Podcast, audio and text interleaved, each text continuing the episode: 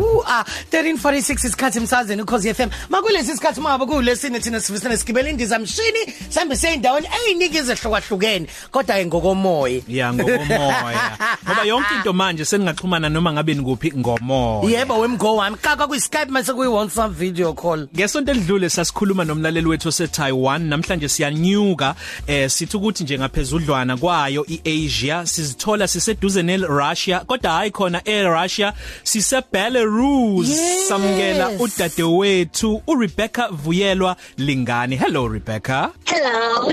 kunjani sis I'm good and how are you? siyaphila siswami We Rebecca isikhatsini lapho manje. The time here is 40 48. So we are w- 1 hour ahead. Oh ayi awa nja. oh ulimi lwa- um- ulimi lwakho Yes. Rebecca isuthu noma isitswana So too. Oh suthu nje is- is- isiZulu nje Yes. dololo nesincane nje asikho.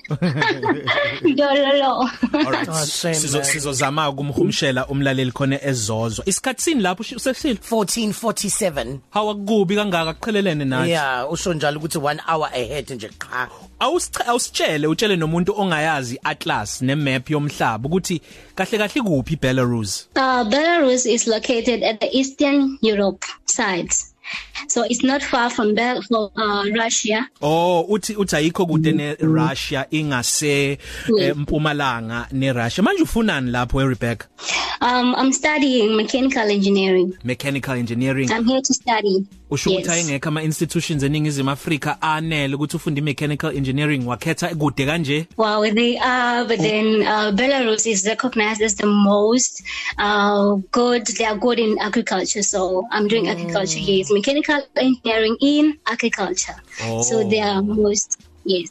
so ba- ukhethe bani ngoba bebe nakho bengcono ubone bengcono and bahamba phambili njengoba wenza i-mechanical engineering uh, kwi-agriculture hmm, angikaze ngize ngizwe kodwa kusenani-ke ngiyeza kuthiwa abantu balapho abeve benemfudumalo ba-right banomoya omuhle so akubanga nzima kuwena ukuthi ukwazi ungene in phecelezi u-adapt Yeah, it was very difficult at first, but then we thank God because um, I think uh, when time goes by, that we we learned more about uh, their language. I think you will be the best if you know their language. Knowing their language was the first thing that we had to do to communicate with them and to know them, and then from there everything just went smoothly. Hmm. so ibelarus idume ngani we oh i mean la i-south africa sidume ngani u angifuni nokusho la ibelarus idume ngani Belarus is more um, uh, about their culture and the dapo, like in Sesotho, potatoes. They produce potatoes. amazambane kusho ukuthi nje u- Amazambane. fish and chips into nje breakfast lunch and dinner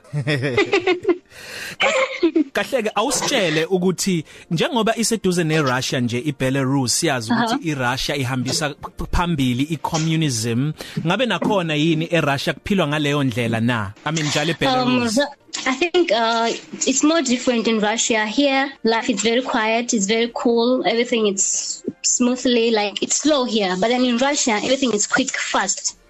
So I think that's the difference. Yeah, and Russia there are a lot of people, but here there are not a lot of people. It's one population is one million. 1 million nje kuphela Yo, Mm. Yeah, i-population- 1 million nje. i-population i-population engaphansi kwabantu abahlala eThekwini Ethe- le yeah. beThekwini u3 and a half million kusho ukuthi izwe elincane manje isimo sezulu Yeah, it's sona a small sinjani country. iclimate isimo sezulu sinjani lapho And now it's we are approaching winter, and we just there's their summer here is just for two months. So winter winter here is very cold.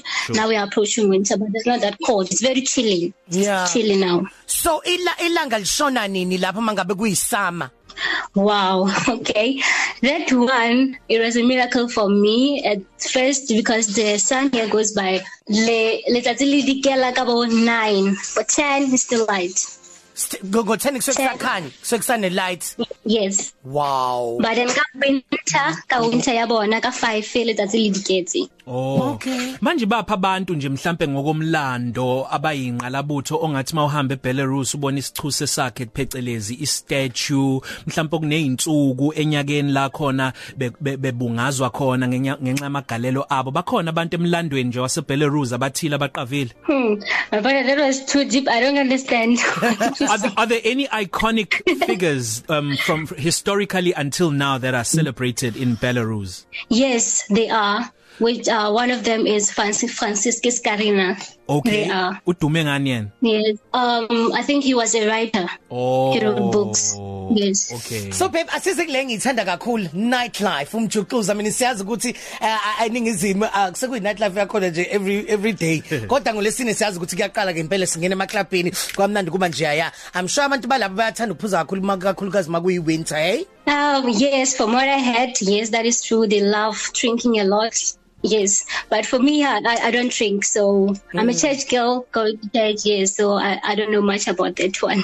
Okay Sibonge But then, kakhulu. yeah, people here they do drink a lot. They drink a lot. Yo. Siyabonga kakhulu. because it is dadewethu. also next to Russia, so the vodka is. Yeah ooh, What do you want? okay Yeah. Monica baby mani Kube mnandi ukuxoxa nawe Rebecca sisi ungafisa nje ukubingelela mangahle kube khona bakulalele ekhaya. Okay, uh, ke rata ho dumedisa ausi wa ka ke Thiwe Lingani, tate wa ka Jan Lingani, and everyone, uh, Vulani, and all of my friends in South Africa, family members. Uh, I don't know, I just want to greet a lot of people, but then I don't think we have time. Yeah thank you so much Rebecca bye Bye! Thank Siyabonga kakhulu kube mnandi ukuxoxa no Rebecca. Positive Cafe. Ilunch yakho ayifani neyizolo.